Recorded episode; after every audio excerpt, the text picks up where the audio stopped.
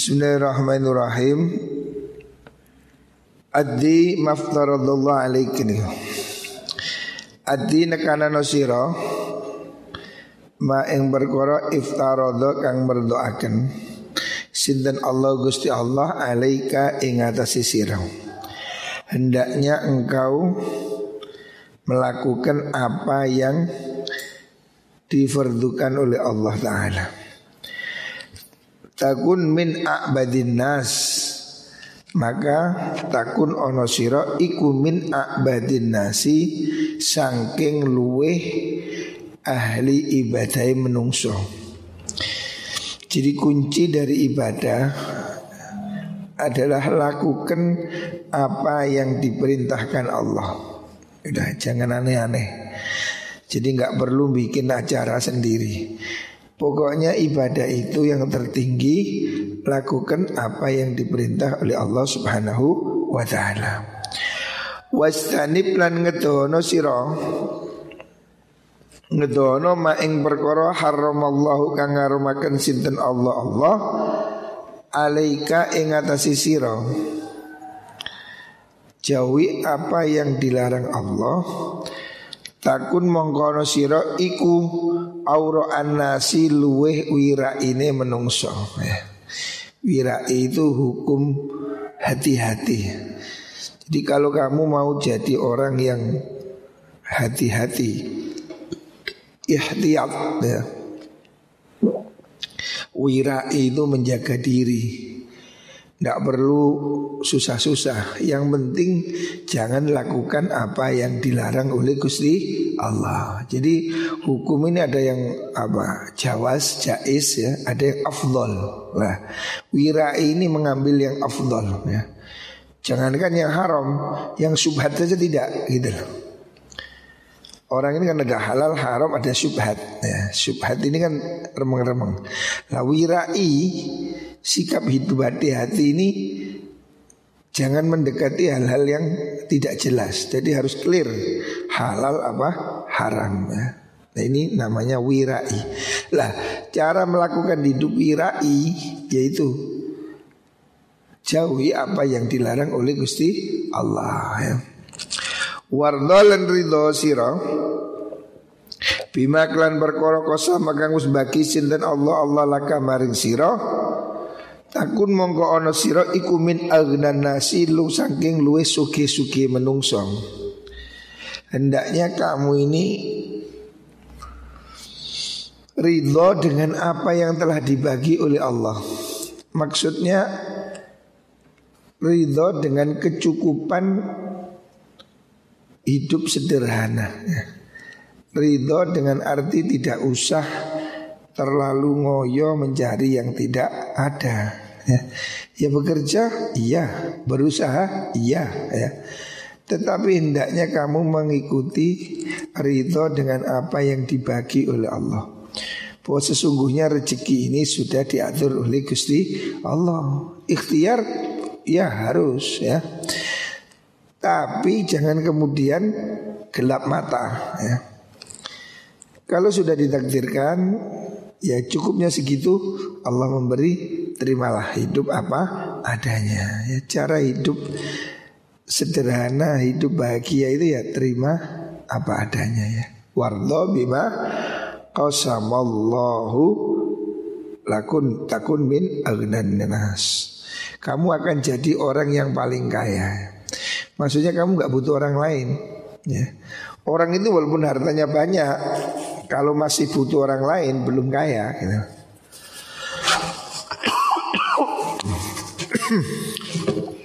Makanya jangan berharap dengan apa yang dimiliki oleh orang lain. Adibu mulango sirakabe Mulango sira kabeh auladakum ing pira-pira anak sira kabeh. Hendaknya anakmu kau ajari ala salasi khisalin ing atase telu pira-pira perkara. Hendaknya para orang tua ya, wali santri, wali murid ajari anakmu tiga hal ya, kata Rasulullah Shallallahu alaihi wasallam. Apa hal yang harus kau ajarkan pada anakmu itu? Yang pertama, hubbi nabiyyikum. Yang pertama harus ditanam di hati anak-anak ini sebelum dia ngerti apa pun yang lain ya. Sebelum belajar biologi, sebelum belajar matematika ya. Ajari anakmu yang pertama itu cinta Rasulullah Shallallahu Alaihi Wasallam. Ini harus ada di hati anak-anak kita ya terutama orang tua ya, semua harus mengajarkan keimanan deh. Dasar keimanan ini penting ya. Ini wajib ya. Yang pertama semua orang harus mengajari cinta pada Rasulullah Shallallahu Alaihi Wasallam. Karena kita akan hidup menjadi orang Muslim, kita akan hidup menjadi orang yang baik, itu harus mengikuti ajaran kanjeng Nabi. Nah kalau kamu sama nabimu nggak cinta, bagaimana kamu mau ikut kanjeng Nabi gitu loh ya. Maka yang nomor satu wajib bagi orang tua itu ajari anakmu cinta Rasulullah Shallallahu Alaihi Wasallam. Harus kamu pelajari mereka supaya ngerti Nabi itu lahir di mana. Nabi lahir di Mekah, wafat di Medina bukan di Mediun. Ya. Orang harus ajari anak ini jangan sampai anak orang Islam tidak ngerti Nabi Muhammad lahir di mana entah. Ha? Tapi dia faham tentang Chelsea, Real Madrid ya. Hafal tentang Ronaldo lahir di mana. Tapi tidak ngerti siapa Rasulullah Shallallahu Alaihi Wasallam. Jadi harus semua orang harus mengajari anaknya satu tentang bagaimana mencintai Nabi, sejarah Nabi kan tak kenal maka tak sayang Harus ngerti sejarahnya. Oh Nabi itu lahirnya di Mekah, wafat di Medina. Terus dia itu diutus oleh sebagai Rasulullah untuk seluruh alam semesta. Jadi ini tauhid ya mengajarkan Allah, mengajarkan Rasulullah itu wajib sebelum anak kecil ngerti apa saja ya. Sebelum masuk TK harusnya sudah diajari itu. Ajari dia ada Tuhan, ajari Nabi ya. Ini penting supaya anak-anak kita ini lahir tumbuh dalam iman cinta pada Rasulullah Shallallahu Alaihi Wasallam. Yang kedua wahubbi ahli baitihi. Ajari anak kita itu cinta ahlul bait. Ajari anak kita ini mencintai keluarga Rasulullah Shallallahu Alaihi Wasallam. Ini bagian dari cinta kita pada Rasulullah ya. Jadi saya tidak pernah berani olok-olok keturunan Nabi semuanya ya sudahlah kalau memang nggak cocok diem aja. Jangan sampai kita membenci keluarga Rasulullah Shallallahu Alaihi Wasallam. Karena kita ini semua punya hutang budi kepada kanjeng Nabi. Kita menjadi orang Islam ya, kita menjadi beriman karena Rasulullah Shallallahu Alaihi Wasallam. Kalau nggak ada Nabi, kita ini dapat dari mana hidayah? Ya. Jalan hidup kita ini diterangi oleh kanjeng Nabi. Makanya kita berkewajiban untuk menghormati keluarga Nabi. Siapa Ahlul Bait itu ya Fatimah, anak-anak Sayyidah Fatimah dan keluarga Bani Hashim dan Bani Muthalib ya. Walaupun secara umum Ahlul Bait Nabi ini ya orang yang mewarisi Nabi termasuk ulama. Tetapi kalau dalam definisi yang lebih kecil ya anak keturunan Rasulullah Shallallahu Alaihi Wasallam ya. Keluarga Nabi ini ya orang-orang yang berjalan di ada yang secara maknawi ya para ulama itu. Mereka adalah warasatul ambia tetapi dalam definisi bahasa ya keluarga itu keturunannya. Makanya kita harus hati-hati hati-hati. Jadi itu di situ ada hak kehormatan ahli baitin Nabi Muhammad sallallahu alaihi wasallam.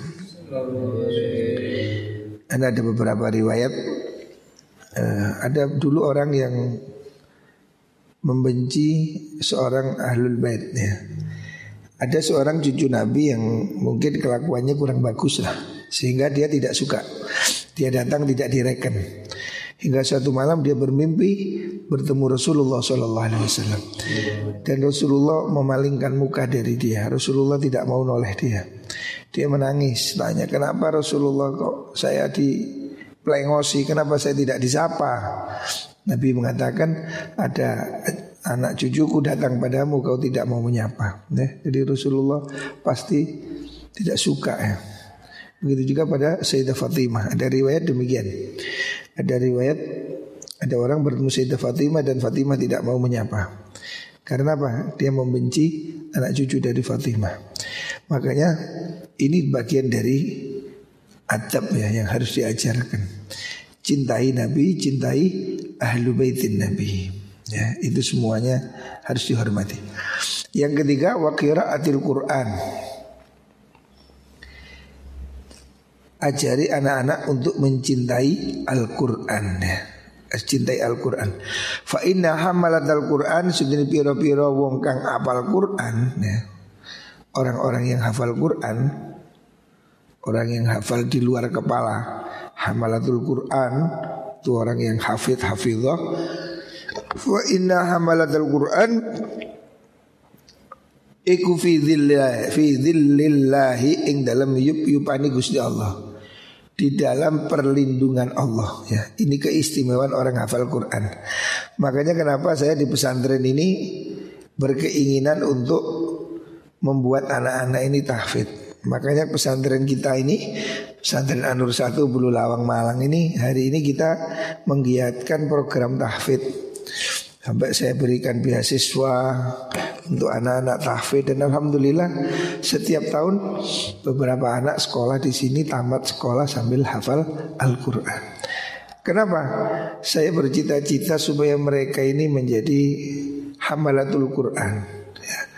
Orang yang menghafal Al-Quran ya, ini besar sekali pahalanya, ya, besar sekali. Maksudnya bukan hanya hafal juga ya harus menghafalkan ya. Sebab orang yang hafal Quran ini disebutkan fi dzillillahi yauma la dzilla illa dzillu. Orang ini akan dibawa perlindungan Allah di hari tidak ada perlindungan selain perlindungan Gusti Allah. Artinya orang hafal Quran ini akan dapat perlakuan istimewa kelak di akhiratnya fi dhillillah yaumala dhillah illa dhilluh. Di hari yang tidak ada perlindungan kecuali perlindungan Allah, dia itu mendapat perlakuan khusus. Ma ambiyai sertani para nabi Allah wa auliyaihi lan biro-biro wali-wali kekasih Allah ya. Jadi orang hafal Quran ini besok akan dapat tempat yang istimewa. Ya. Makanya saya mendorong santri-santri hari ini supaya kiat menghafal Quran. Ya. Juga termasuk anak-anak saya karena apa? Ada riwayat yang lain dari Rasulullah Shallallahu Alaihi Wasallam. Besok orang yang punya anak hafal Al-Quran ya, itu akan dimuliakan oleh Allah dengan mahkota yang luar biasa. Dan ketika itu mereka akan bertanya, kenapa ya Allah aku dimuliakan seperti ini?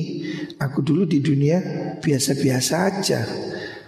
Nggak punya istimewa Tapi kok sekarang dimuliakan Allah? Allah menjawab Karena kau telah menyuruh anak-anakmu hafal Al-Quran. Jadi kalau kamu ingin memuliakan orang tuamu kelak di akhirat Hafalkan Al-Quran.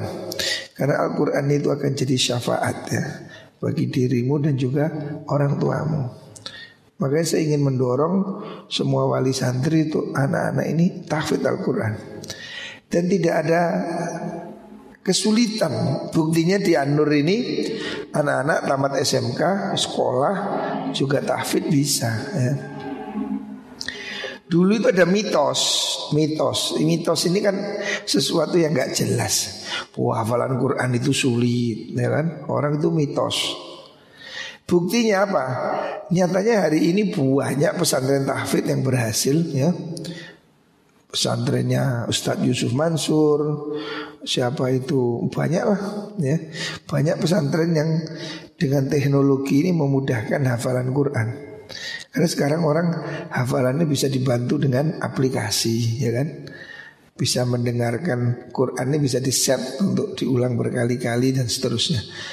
Artinya hari ini teknologi sudah memudahkan kalau kita mau hafalan Quran. HPmu itu daripada buat main game, daripada buat YouTube ya. Lebih baik kau install itu ayat Al-Qur'an itu ada aplikasi ayat. Jadi kamu setiap hari bisa men-set dari HPmu Pokoknya kamu set hafalan 10 ayat HPmu bisa kamu setel 10 ayatnya diulangi 50 kali umpamanya. Sehingga kamu dengar berkali-kali pasti hafal ya. Ini metode pengulangan itu pastinya. Orang itu kalau sering mendengar ya Anak kecil itu loh Contoh anak saya kecil-kecil itu Walaupun tidak pernah diajari lagu-lagu apa itu Anak kecil itu kan hafal loh Lagu apa itu Lagu saya sendiri nggak apal. Tapi karena sering dilihatkan di YouTube atau di TV, anak itu hafal. Karena apa? Sering diulang, ya. Burung beo aja loh, burung beo aja diajari bisa. Assalamualaikum, assalamualaikum. Burung beo aja bisa diajari. Amanah manusia nggak bisa. Karena sering diulang-ulang ya. Sesuatu itu kalau sering diulang-ulang pasti menancap. Jadi ada orang punya burung biu kan sampai ada yang hafal sholawat fatih. Ada burung biu itu sampai hafal apa? Itu ayat kursi. Hebat itu. Karena apa? Sering didengarkan hafal. Nah, hari ini sudah ada aplikasi di handphone gratis untuk mendownload Al-Quran itu kemudian kita ambil berapa ayat, diulang, diulang, diulang. Itu kan membantu hafalan. Kalau kita mau hari ini mudah gitu ya. Hari ini Tuhan sudah memberi kemudahan untuk kita hafal Al-Quran. Dan sejak dulu sebetulnya Allah sudah mudahkan ya. Inna nahnu nazzalna dzikra wa inna lahu lahafidhin. Walaqad yassarnahu lidzikri fahal min muddakir. Ya. Allah itu sudah berjanji akan memudahkan ya. Allah pasti mudahkan. Buktinya buahnya orang hafal Quran. Ya. Malah di Surabaya itu saya dengar ada Al-Quran for eksekutif. Ya. Jadi direktur bank, direktur perusahaan itu kalau makan siang itu mereka nggak kongko ke hotel, nggak kongko ke warung, tapi ada satu lembaga yang menerima setoran Quran. Jadi sekarang ini banyak eksekutif muda ya, direksi yang hafalan Al-Qur'an. Di Surabaya itu ada di Ngagel. For eksekutif. Jadi mereka itu bekerja sambil kerja di perusahaan BUMN, tapi mereka ngapal Al-Qur'an. Dan itu bisa gitu loh. Jadi mitos di otak kita ya harus dihilangkan. Blok ya, kita ini kan sering kali cenderung akal kita ini menolak, nggak bisa, sulit itu loh. Mental block namanya. ini harus dihilangkan. harus dihilangkan mental block ini ya. Hilangkan mitos tentang kesulitan menghafal Al-Quran Pasti mudah ya ini hadis riwayat Imam Dailami an Aliin. Allah Hadis selanjutnya. Hadis nomor 50 Allah. Ud'u ndonga sira kabeh. Allah ing Gusti Allah. Wa antum halu ta sira kabeh iku muqinuna wong kang yakinaken mantep itu muqinun itu meyakini. Mantap. Bil ijabati kelawan den sembadani Rasul mengajarkan kamu itu kalau berdoa hendaknya dalam posisi yakin doamu dikabulkan Allah ya. Harus ada optimis gitu loh. Kalau kamu berdoa itu di hatimu harus ada perasaan optimis ya. Harus ada perasaan senang ya. Yakin doa saya dikabul. Jadi kamu kalau doa itu serius, ya Allah, ya Allah yang serius. Allah sedang mendengar kamu. Seperti kamu minta. Kan kamu harus serius kok bu minta uang. Pak minta. Kan harus jelas fokus. Jangan minta sambil nolak toleh sambil orang kan Allah nggak suka. Kamu aja minta orang kalau nggak serius kan nggak dikasih ya. Hendaknya kalau berdoa ini yang serius yang yakin mantep bahwa Allah akan mendengar doamu ya. Dengan dengan bagaimana? Ya mantap itu dengan adab juga. Jangan sampai doa tanpa adab ya. Makanya saya bilang doa itu usahakan ngerti artinya. Banyak orang doa nggak ngerti artinya akhirnya kidulinan contoh baca sholawat. Ya Rabbi salli ala Muhammad. Ya Rabbi salli alaihi wasallim. Itu kan doa. Ya Allah berikan rahmat pada Nabi Muhammad Ya Allah berikan salam pada beliau. Ini kan doa. Ada gak ngerti ya kayak ono sing solawat lagu rek ayu rek. Ya Robbi ya Robbi sol sol ngawura ya oh, sol sol Jangan pakai lagu yang aneh-aneh. Hendaknya kamu berdoa dengan sungguh-sungguh meyakini. Itu mendengar doamu Makanya jangan dipakai lagu dangdut, lagu apa ya. Doa itu sholawat itu ya. Yang bagus lah, jangan sambil oh pondu mau ambek coket ini ini mau ini gimana? Oh itu lagu apa sih kalau gini gini ini lagu entah apa, yo sholawat kok ambek gini gini ini gimana kamu berdoa kepada Allah? Huh? Adabnya itu nggak ada ya, nggak boleh ya. Hendaknya kamu yakin ijabah. Artinya dengan adab dengan etika yang benar ya. Fa inna Allah sedani Allah. Iku layak balu orang nerimo sopo Allah. Duaan ing doa Min qalbin saking ati lahin kang dolanan ya. Allah tidak mau mendengar doa yang main-main ya. Ya iya kayak iyo ketika iyo menurut kayak tulinan gitu lah ya. Kamu kalau minta kan mohon dibantu, mohon diberikan serius. Cok, aku kayak ono gak kayak iyo wis. Ngono ya ketika iya ya. Jangan kamu berdoa dengan tidak konsen ya. Makanya doa ini harus ada adab ya, harus ada adab, ikhlas ya. Salah satunya itu ya makanannya harus halal ya. Sahabat Ibnu Abbas Sahabat Ibn Abbas ditanya Bagaimana kunci doa supaya mujarab ini? Soal ini udah doa kok. Anjat aja kak. Tembus-tembus. Kata Ibn Abbas Atib to'a maka takun mustajabat doa. Makananmu perbaiki Maka doamu mustajab. Saya kalau makananmu haram Pikiranmu haram Doamu ya Blekedes ya ngowos doa menjadi tidak terkabulkan salah satunya karena makanannya tidak halal. Perbaiki makananmu. Maka doamu akan mustajabah. Ida atakallah. Undi rawat Tirmidzi. Ida atakallahu malan fal yura atharu nikmatillahi alaika wa karamatihi Hadis riwayat Imam Hakim. Ida atakan nalikani maringi ka ing sira sinten Allah Gusti Allah. Kalau Allah memberi kamu malan ing bondo. Kalau kamu diberi harta ya, diberi rezeki oleh Allah ya.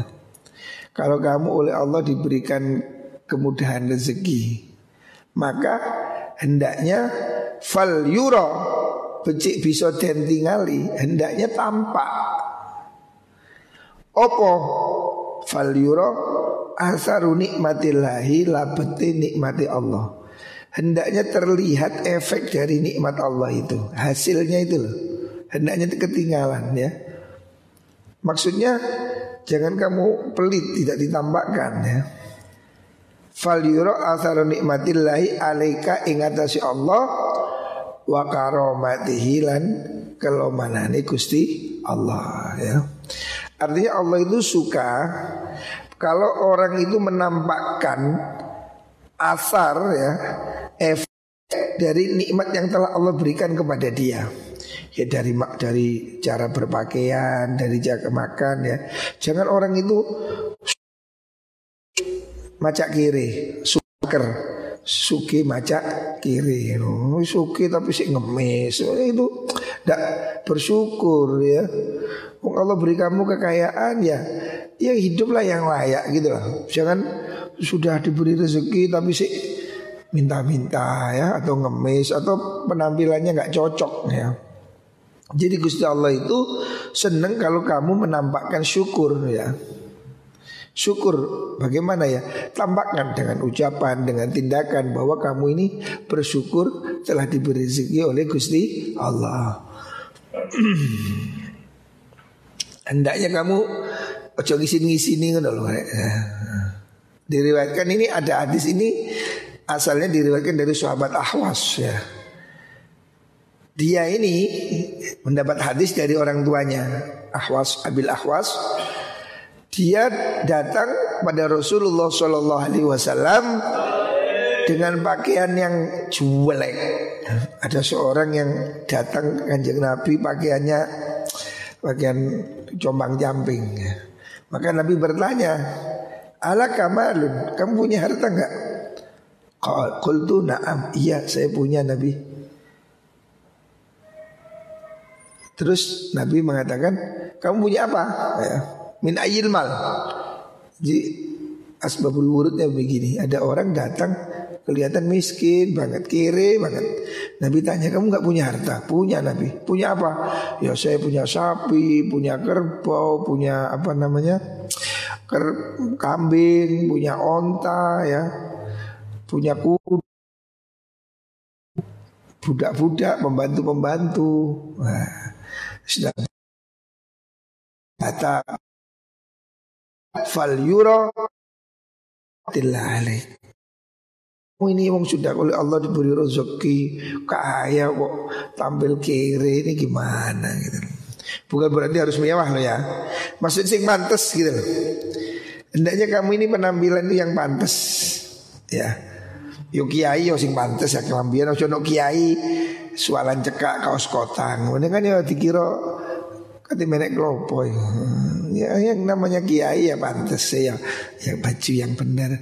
Bahkan Imam Malik ya, Imam Malik bin Anas ini gurunya Imam Syafi'i. Imam Malik itu penampilannya luar biasa. Imam Malik itu bajunya puakus Kalau seandainya hari ini itu ya tampilannya keren lah ya pakaiannya rumahnya itu bagus sekali keren sehingga orang itu sampai eh, punya pikiran gimana ya kiai kok mewah ya, gitulah kayak ada yang ngerasa nih gitulah tapi Imam Malik berdasarkan hadis ini Imam Malik mengatakan saya ingin ilmu itu dihormati karena kalau kiai itu penampilannya kiri, mau dinyek mek wong. Kalau apa ngaji kiai ini kiri, lo ngono cok ngono. Jangan sampai ilmu ini dihina karena penampilan kiainya, ya. Karena orang nggak mau mondok nanti, oh jangan mondok nanti, aduh itu kiai ini kiri, jangan sampai begitu, ya. Jangan sampai menunjukkan apa kehidupan yang rendah. Ya, tapi bukan berarti harus kelihatan jet set, bukan juga. Tetapi Allah itu suka kalau tampak dari nikmat Allah itu kau tampakkan. Ya kalau kamu itu kaya ya beli mobil lah umpamanya.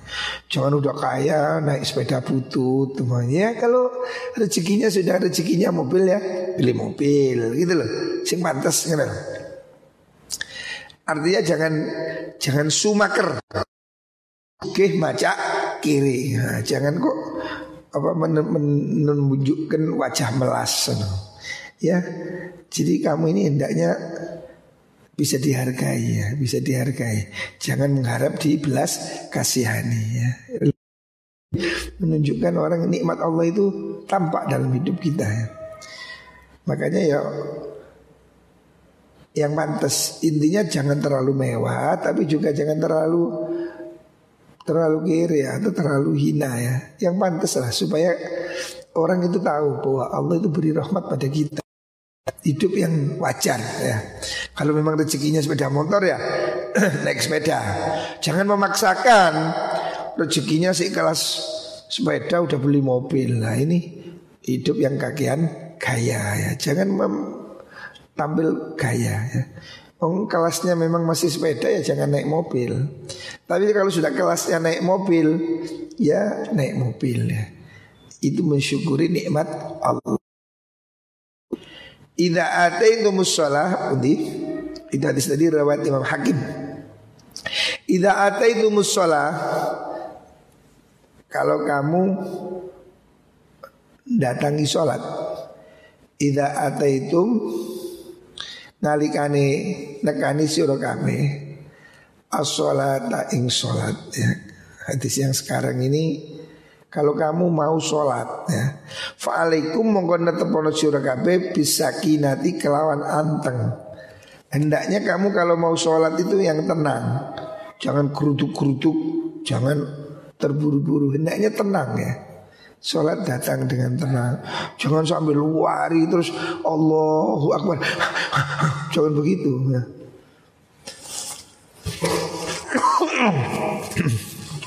Janganlah kamu sholat dengan posisi yang tidak tenang ya. Hendaknya kamu sholat itu tenang. Waalaikum bisakinah. Hendaknya kamu tenang ya. Sholat itu jangan lari-lari, jangan terburu-buru, tenang. Lah supaya tenang gimana? Ya datang ke masjid lebih awal. Jangan sudah azan, sudah komat, kamu baru lari ya.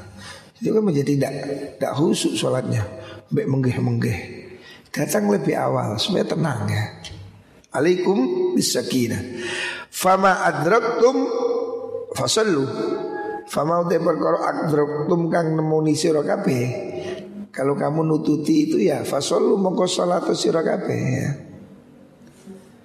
Artinya kalau kamu itu ketelatan pun tidak usah lari-lari ya. Hmm. Kok usah gerutuk-gerutuk gitu loh. Jangan sudah komat semuanya baru lari. Kerutuk kerutuk itu kan me, membuat gaduh. Ya. Makanya datang lebih awal. Kalau memang kamu terpaksa telat, ya sudah datang tenang, ikut makmum masbuk tidak apa-apa, ketinggalan satu rakaat, ketinggalan dua rakaat, tapi dengan tenang ya, tidak usah dengan lari-lari ya, yang tenang supaya tidak ribut. Situasi sholat ini supaya menyenangkan ya, jangan sholat sambil tergesa-gesa. Wa ma utai perkara fata kang pot apa makum ing sira kalau kamu telat. Fa'atimmu ya, fa'atimmu mongko nyempurnakno sira ing sholat. Artinya hadis ini menjelaskan tentang makmum masbuk ya, makmum masbuk. Orang yang ketinggalan jamaah itu loh. Umpamanya kamu datang Rokaat sudah kedua atau ketiga Tenang aja ikuti imam. Setelah imam selesai kamu baru meneruskan sholat ya. Jadi nggak usah lari-lari ke, takut ketinggalan jamaah. Usahakan kamu datang jamaah sebelum waktunya. Itu yang bagus ya. Gak usah lari-lari. Yang paling bagus itu sebelum azan kamu sudah di musola. Lu itu yang top ya. Top jamaah paling top itu sebelum azan sudah di musola. Atau setelah azan kamu sudah di musola. Sehingga kamu nggak perlu lari gitu loh. Jangan sudah komat kamu baru mencolot wudhu jempalian wah itu tidak bagus itu. Sholat kok tidak concern itu. Jadi sholat itu harus dengan penuh ketenangan ya, khusyuk ya. Makanya kalau kamu mau beol beol dulu, mau kencing kencing dulu supaya sholatmu ini betul-betul concern ya. Hadis riwayat Imam Bukhari Muslim rawahu Syekhan. Idza ahabballahu abdan kalau Allah mencintai seseorang ya, ini hadis tentang cobaan. Ibtalahu mongko nguji sapa Allahu ing abad liyasma'a supaya ngrungu sapa Allah tadarruahu ing DP-DP ne abad ya. Artinya kalau Allah itu mencintai hamba Itu sengaja memang oleh Allah diberi diberi ujian ya. Jadi diberi ujian ini bukan berarti dibenci ya Jangan salah paham ya Allah itu kalau mencintai hambanya Itu sering kali memang oleh Allah diberi cobaan-cobaan. Maka itu disebutkan oleh Imam Ghazali kamu lihat kekasih-kekasih Allah itu banyak cobaan. Nah, ya contoh kayak Nabi siapa sing kuatelen Nabi Ayub ada cobaan ya. Nabi Musa ya ada cobaan ya. Nabi Ibrahim ya ada cobaan. Nabi Isa dan Nabi Muhammad Shallallahu Alaihi Wasallam itu kan ada cobaannya. Hidup ini ada cobaan ya. Memang kalau Allah mencintai hambanya itu diberi cobaan Supaya apa? Ya, supaya apa ini? Lias ma'at tadarru'ahu Supaya Allah mendengarkan rintihannya Jadi orang ini kan senang dengar suara Kamu kalau punya kekasih kan senang ditelepon, di SMS ya Kan orang itu selalu ingin mendengar suaranya Makanya Allah itu senang hambanya berdoa. Lah biasanya orang ini berdoa ini kan kalau susah. Gini betul. Kalau susah kan ya Allah Gusti, ya Allah, ya Allah, nunggu. Allah itu suka mendengar permohonan ini. Sebab orang ini rata-rata kalau tidak diberi cobaan itu adalah home. Sehat, akeh duit, keluyur Barang tiba sikile cuklek, ya Allah, ya Allah, dungo, ya Allah, nangis itu. Tapi lek sehat biayaan. Ya, makanya Allah ini kadang beri cobaan ini supaya ingat ya. Cobaan itu adalah cara Allah memanggil untuk kamu mau mendekat ya. Di cobaan itu sesungguhnya tanda cinta dari Allah ya. Makanya kalau ada kesedihan jangan kamu ngersulah apa ngersulai ya kamu harus bersyukur bahwa kamu masih diingatkan oleh Gusti Allah. Ya seperti musibah hari ini, ada corona ini. Orang kan jadi berdoa, ya Allah jauhkan kami dari corona. Orang jadi doa, baca rotibul haddad, baca bismillahirrahmanirrahim, baca sholawat tibil ulub. Kalau nggak ada corona, nggak semua orang baca. Hari ini kan serentak. Mana-mana. Orang baca tibil kulu Baca ini, baca itu. Doa-doa yang lain Jadi berdoa karena ada ujian dari Allah Ada cobaan. Jadi cobaan itu sesungguhnya Cara Allah Mendekat pada Oh ya, sama dengan ilustrasi ada orang ada bangunan tingkat 10 mandor dari atas manggil diceluk kuline ke isor tul tul gak krungu diunjali duit saya ibu lundung lundung lundung pek. Langsung diplok. Lu duit gak tolak toleh langsung disek. Gregetan mandore tiga duit gak noleh. Diantem watu itu kok dukur glodak langsung delok mendur sapa ngantem watu? Nah dia antem duit som. Nah, orang ini gini kalau kasih rezeki kak tolak toleh. Musibah baru danga. So pengantem waktu. Nah, jadi waktu cek gelem danga. Jadi culi duit malah desem. Makanya Allah beri cobaan itu karena Allah mencintai kita ya. Karena Allah suka mendengar doa kita. Di musim corona ini Jangan berhenti berdoa ya. Ini kesempatan ya. Lockdown. Ini ada lockdown di Surabaya. Tutup Sidoarjo. Mana lagi itu? Gresik tutup ya lockdown.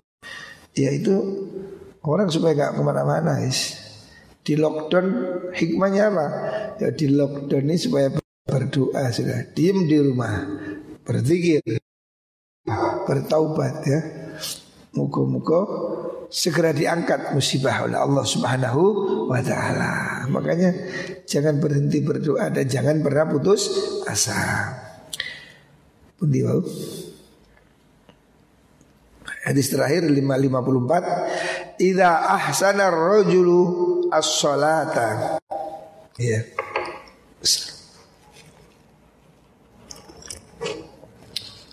Ida ahsana nalikani bagusi sinten arrojulu wong lanang as-sholata ing sholat apabila orang itu sholatnya baik ya tertib jamaah ya tepat waktu. Siapa orang itu baik ya?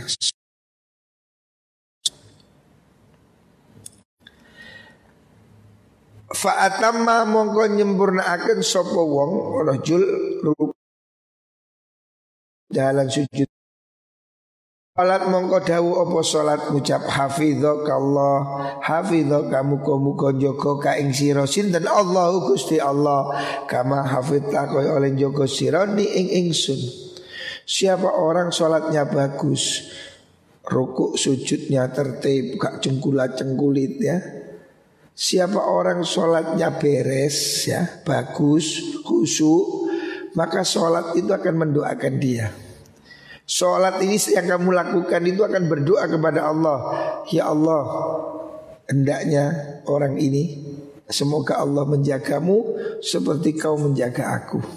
Jadi sholat ini bisa bicara ya. Sholat itu bisa Efeknya dalam hidup ini luar biasa. Karena apa?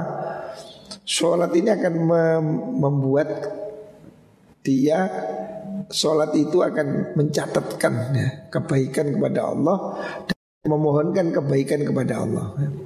Makanya Imam Ghazali dalam kitab Ihya itu adab sholat itu mulai dari mendengar azan ya. Orang dengar azan itu harus sudah mulai menunjukkan rasa takutnya.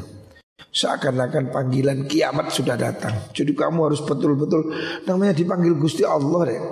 Kamu dipanggil ya. Sul. Jangan ngantuk ya. Seandainya sul kamu dipanggil Pak Jokowi, ya. surat saudara Samsul, hmm. siapa sih ngantuk ya? Karena siapa? Diterima di istana sama Idul besok jam 10 pagi.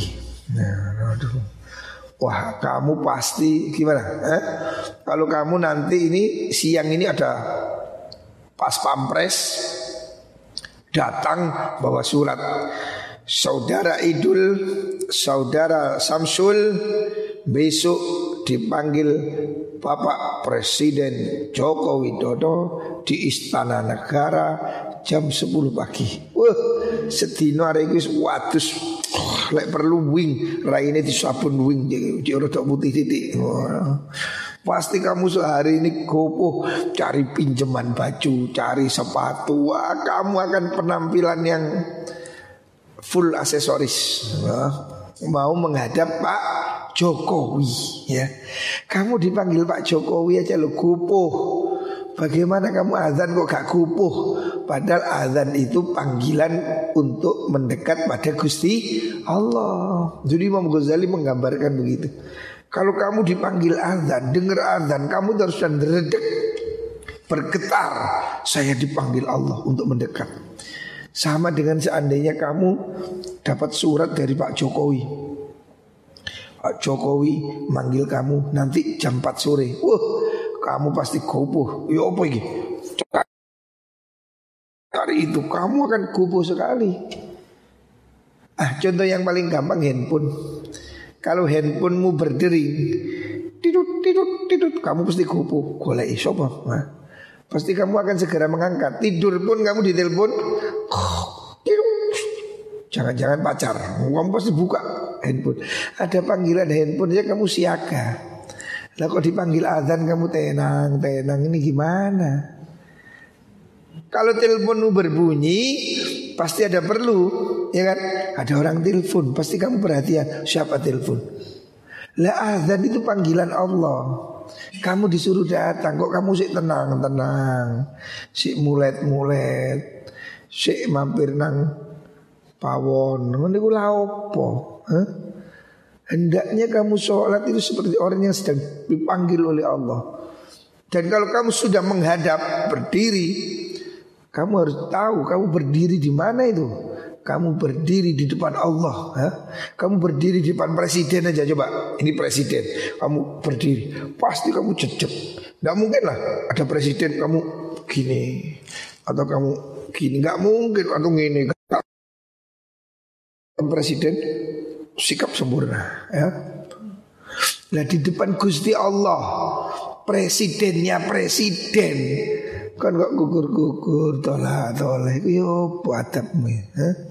Akhlakmu itu di mana? Makanya orang harus belajar kitab Ihya itu supaya ngerti akhlak ya. Yang diluruskan bukan hanya dadanya, hatinya ini loh ya. Makanya siapa orang sholatnya bagus Maka dia akan didoakan oleh sholat Semoga kau dijaga hidupmu oleh sholat Makanya Allah akan menjaga hidupmu Orang ini kalau jamaahnya tertib Hidupnya pasti ditata oleh Allah ya. Hidupnya pasti tertib Jaga sholat jamaah Jaga sholatmu Kamu akan dijaga oleh Gusti Allah Ya, Kamu akan dijaga oleh Allah Kalau kamu menjaga sholat Fadur fa'u angkat apa salat. Salatmu diterima diangkat ke langit. Wa idza asa analikane gawe Allah apabila orang itu melakukan buruk as-salata ing salat. Siapa orang sholatnya itu serampangan Falam yutima mongko orang nyempurnakan Tidak disempurnakan. Ruku'aha ing ruku'i sholat Wa sujudalan sujudi sholat. Siapa orang sholatnya itu sakar dewe Kecepat-keceput kayak petik itu di jagung. Tidak khusyuk, tidak tertib, tidak ada ekspresi yang menunjukkan kekhusuan. Qolat mongko ngucap apa? As-sholatu sholat Awas sholat akan berdoa. Doya'akallah Muka-muka niat-niat akan kain sirah sopa Allah. Allah Kama doya'tani kaya oleh niat-niat sirah ni ing ingsun. Sholat protes pada Allah. Ya Allah sia-siakan orang itu Seperti dia telah menyia-nyiakan sholatnya Makanya orang-orang yang sholatnya kacau, sholatnya kisru, hidupnya kisru. Tapi orang yang sholatnya bagus, hidupnya bagus ya. Karena sholat ini doa ya. Fatulafu mongkoden Fatulafu mongkoden Lempit Diuntal-untal di, di, Kalau sholat yang bagus itu diangkat ke langit Kalau sholat yang jelek Catatannya diwet-wet Di remet-remet kama yulafu kaya oleh den lempit apa athaubu pakaian al kang amoh jadi sholatmu yang nggak berkualitas itu seandainya kertas itu diuntel-untel seperti pakaian nggak berharga begitu, diremet-remet. Fayudrabu moko den pukul pihak kelawan sholat apa wajuhu wajahi wong. Jadi sholat itu akan diuntel-untel dipukulkan ke kamu. Makanya hidupmu jadi susah ya. Ingat ya, ini hadis dari Rasulullah Shallallahu Alaihi Wasallam riwayat Imam Tayalisi dari Ubadah bin Somit kesimpulannya jagalah sholat maka kamu akan dijaga oleh Gusti Allah. Sebaliknya kalau kamu menyia-nyiakan sholat Hidupmu akan disia-siakan oleh Gusti Allah. Semoga hidup kita dilindungi Allah kita mohon hidayah, petunjuk dan bimbingan. Semoga semuanya diselamatkan dunia sampai akhirat. Amin. Allahumma amin. Barakatul Fatihah.